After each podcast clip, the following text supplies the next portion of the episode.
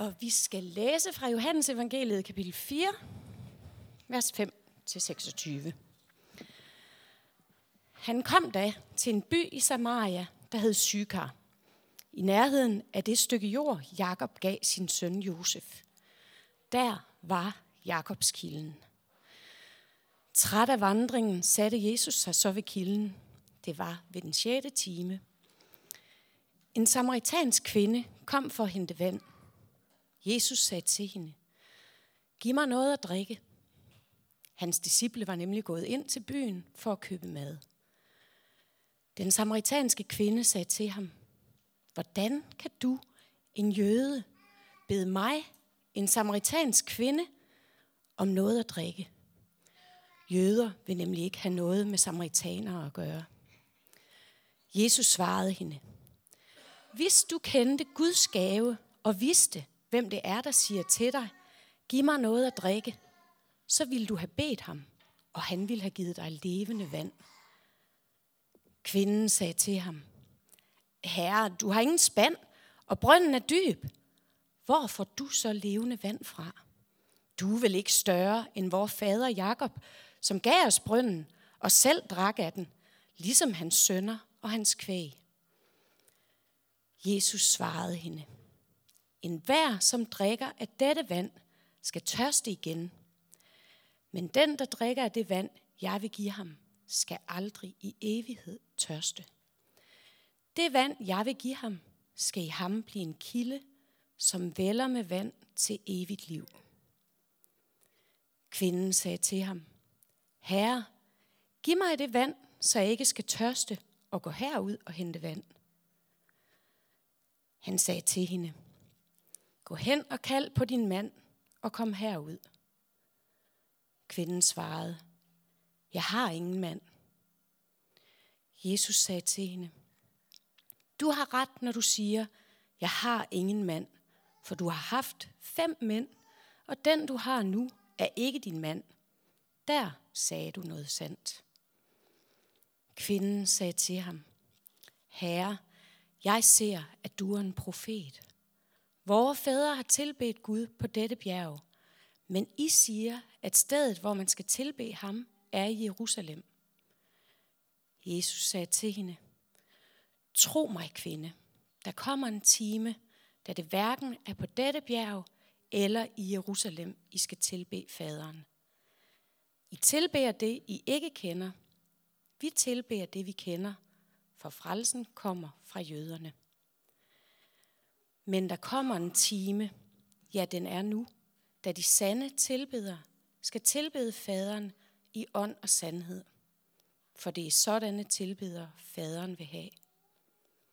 Gud er ånd, og de, som tilbeder ham, skal tilbe i ånd og sandhed. Kvinden sagde til ham, Jeg ved, at Messias skal komme, det vil sige Kristus. Når han kommer, vil han fortælle os alt. Jesus sagde til hende, Det er mig, den der taler til dig.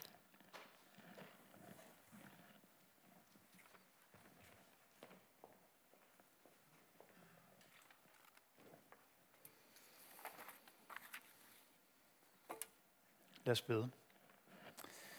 God Gud, det som vi har allermest brug for at høre, det øh, kan vi som regel ikke sige os selv. Men det kan du. Og vi beder om, at du vil åbne vores hjerter, vores tanker, vores ører for det, som du vil tale til os. Amen.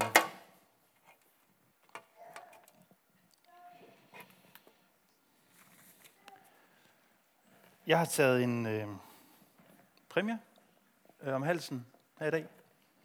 Det er øh, en af de øh, præmier, som har betydet meget i mit liv. Øh, jeg fik den øh, for cirka et års tid siden, da der var årsfest her i menigheden. Der var farvefest. Det var sådan et åndssvagt koncept, hvor, hvor, hvor man skulle være klædt ud i en bestemt farve, når man kom.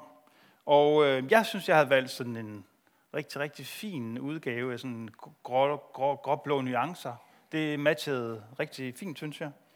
Øh, jeg fik ikke nogen præmie for bedste udklædning, eller for mest fantasifulde øh, indslag, og tænkte, nå okay, øv. Men så skulle der uddeles en ekstra præmie, og det var så den her. Og der står så, øh, det her det er så præmien for den mest skuffende. Og den her er selvfølgelig gemt. Og der er nogle af dem, der har givet den til mig, der er her i dag. Og jeg kan kun sige, hvilke søvnløse nætter det har bragt mig. Jeg skulle, øh, skulle leve med, med det. Jeg fik altså den her præmie for den mest skuffende udklædning. Sådan nogle præmier kan vi ofte gå og uddele til os selv eller til hinanden. Præmien for den mest øh, skuffende uddannelse, det mest skuffende arbejdsliv eller den mest skuffende familie, den mest skuffende skilsmisse. Vi kan gå og uddele de her præmier til hinanden og til os selv. Ting, vi skuffer os over ved os selv.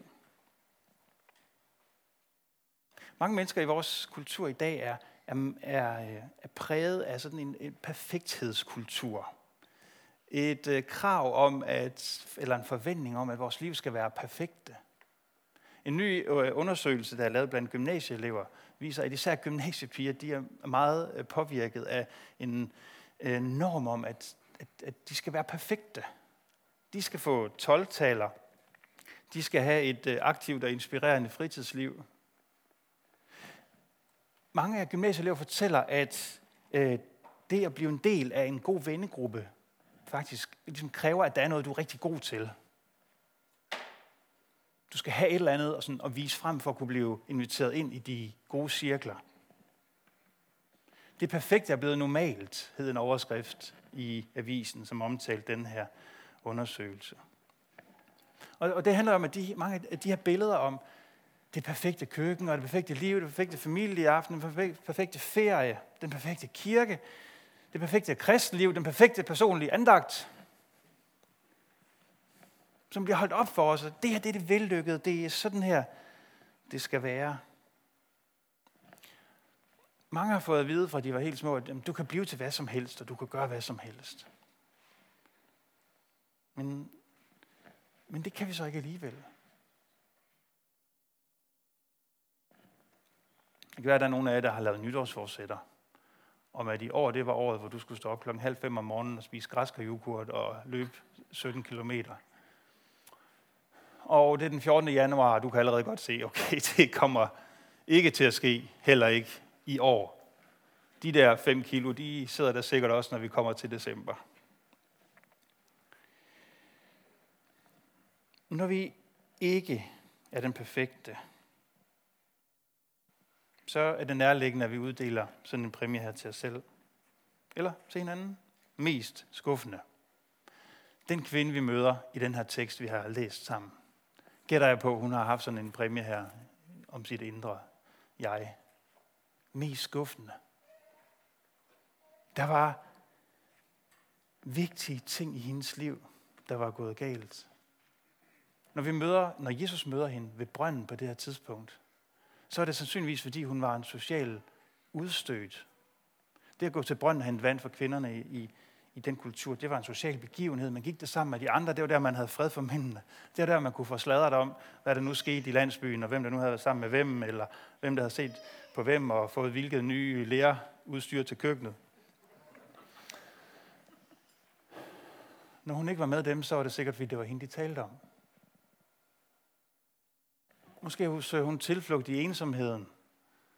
Jeg, jeg kan komme der, når jeg er alene, så er jeg fri for at høre på deres bebrejdelser, eller jeg er fri for at se på deres hånlige øjne. Hun har haft fem mænd, og ham, hun havde nu, var ikke hendes mand. Der var meget, der var gået galt i hendes liv. Og så møder hun Jesus der midt i hendes hverdags gørmål, der hvor Jesus han som regel møder os. Mens vi er i gang med at gøre det, vi nogle gange gør i vores liv og indleder en samtale, og hun er ikke så lige til. Det er kvinder ikke altid. Måske det er mænd jo heller ikke. Måske er hun blevet forbeholden og for at tale med mænd. Hvis hun var det, så var det ikke så mærkeligt.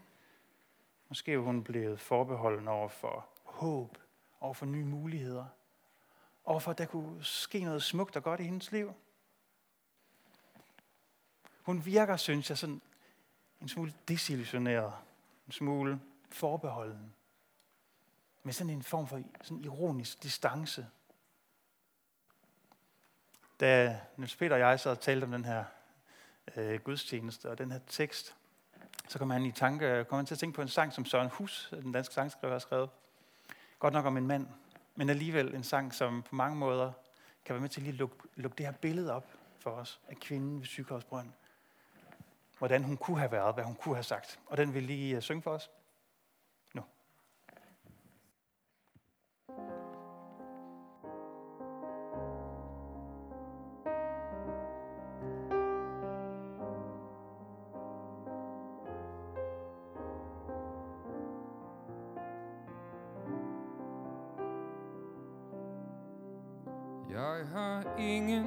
Ting på hjertet. Kun lidt lidenhed. Alt for mange løse ender I de her glemt af kærlighed. Du havde, som du siger Ikke en kinamands chance Trods du gjorde, hvad du kunne for at skabe lidt balance. Men jeg har været ude for længe, er vist gået en smule kold. Al begejstring kommer med et forbehold eller to. Jeg har mistet min stemme, min sjæls ambassadør. Trods jeg ved, hvad jeg skal sige. Jeg ved, hvordan man gør. Jeg har vist dig et billede af en følsom voksen mand. Men under overfladen har han vist mistet sin forstand. Jeg har været ude for længe, er vist gået en smule kold. Al begejstring kommer med et forbehold eller to. For uden for længe er blevet stum og kold. Hvad er en kæreste? Hvad et forhold? Jeg har været ude for længe Er vist gået en smule kold Al begejstring kommer med et forbehold to jeg har ingenting på hjertet Udover selv min lidenhed. Alt for mange løse ender I at de har glemt af kærlighed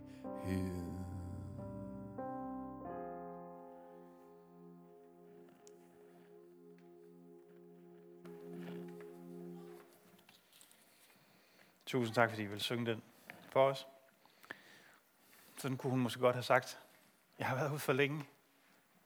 Jeg møder altid med et forbehold eller to. Måske er der nogle af jer, der kan genkende jer selv i det. I mødet med det i jeres liv, der ikke blev perfekt.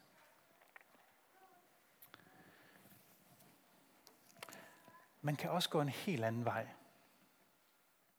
Jeg var på en, øh, jeg, spi, jeg spiste sammen med min kone på en lufthavsrestaurant her i, i, i London i november måned, og øh, der havde tjenerne øh, sådan et øh, badge på, og det fik jeg lige lov til at tage et billede af. Det synes jeg var så sjovt.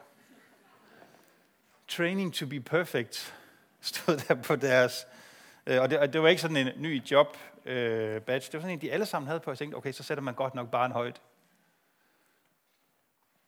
Og jeg kunne ikke lade være med at tænke over, hvor mange mennesker, der egentlig har sådan et badge, usynligt badge på deres øh, hjerte. De har taget den her præmie for den i skuffen af, fordi det...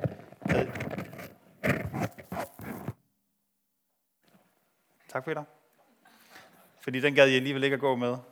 Og så tog de badget på, Training to be Perfect. Så er det det, vi gør. Så anstrenger vi os, så giver vi den alt, hvad vi har. Og nogle mennesker lever hele liv, mens de træner til at blive perfekte.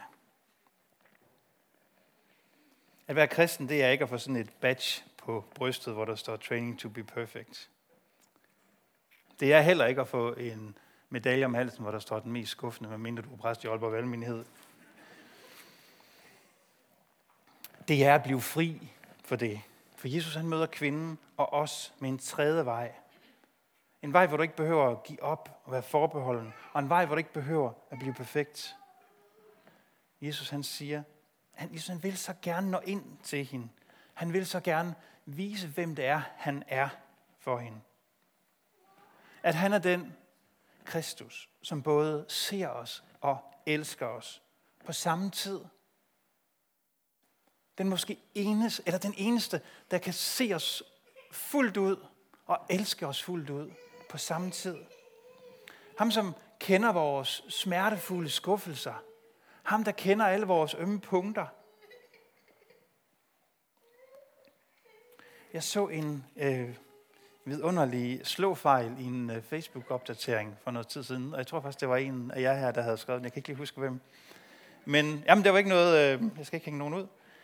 Der stod, øh, øh, det var en, der havde vist et billede af, øh, øh, hvordan hendes, øh, jeg tror det var en pige, havde øh, lavet øh, mad eller kaffe og gjort rent i huset eller sådan noget, inden forældrene var kommet hjem, og så var faren og moren er kommet ind. Ej, taget et billede, skyndt sig lagt på Facebook, sådan er mit barn. Øh, og det kan man selvfølgelig godt blive lidt misundelig over.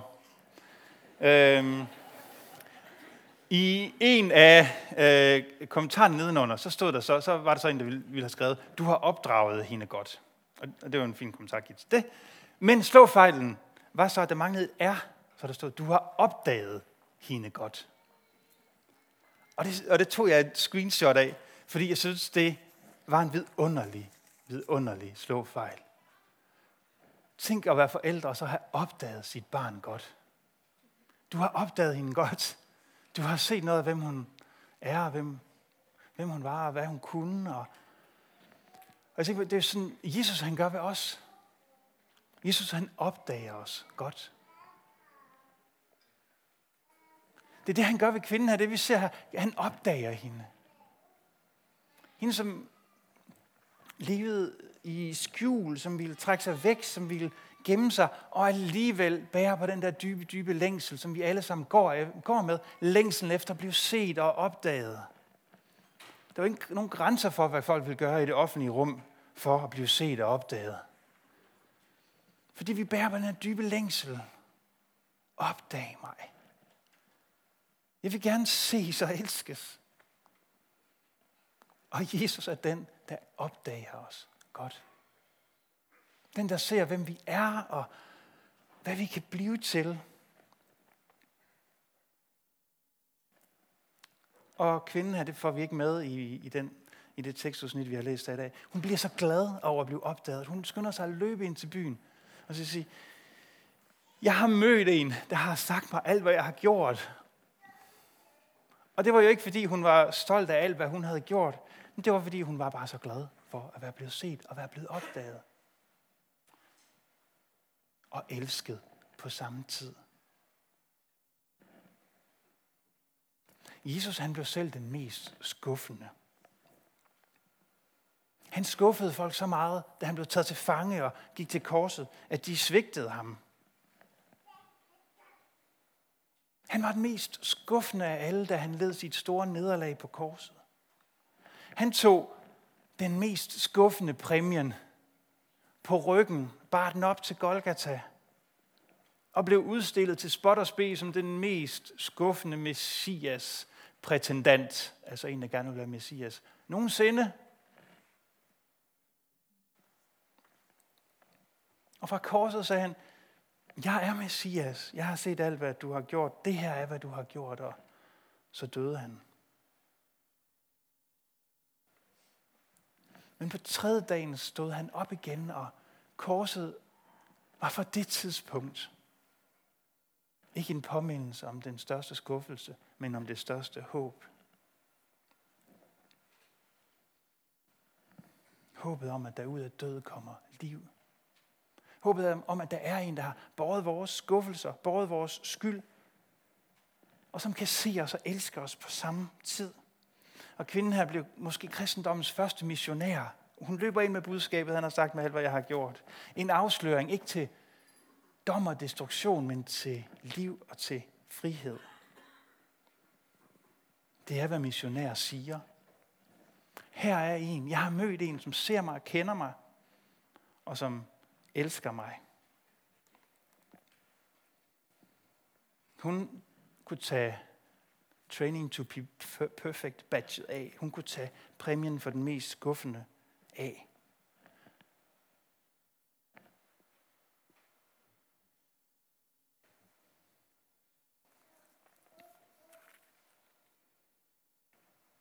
Jesus giver dig ikke en, et badge på. Han giver dig en ring på. Du får ikke nogen præmie for veludført arbejde af ham. Du får en ring af ham, som betyder, at du hører til hos mig. Din skyld, din skam, den får du lov til at lægge fra dig her. Den verden, den antikke verden, hvor, den her, hvor de her fortællinger, som vi læser i Bibelen, de er blevet til i. De, den antikke verden havde ikke nogen forestilling om skyld og synd, før kristendommen kom. Det var en skamkultur. Det var en forestilling om skam, som var en mørke, destruktiv side af den kultur. Altså fornemmelsen af, at jeg er ikke rigtig. Jeg hører ikke til. Og så kommer Jesus, så kommer kristendommen og taler om synd og skyld. Fordi det kan han sætte os fri for. På korset der sætter han os fri fra skyld og skam på samme tid. Nåden bliver skammens modgift.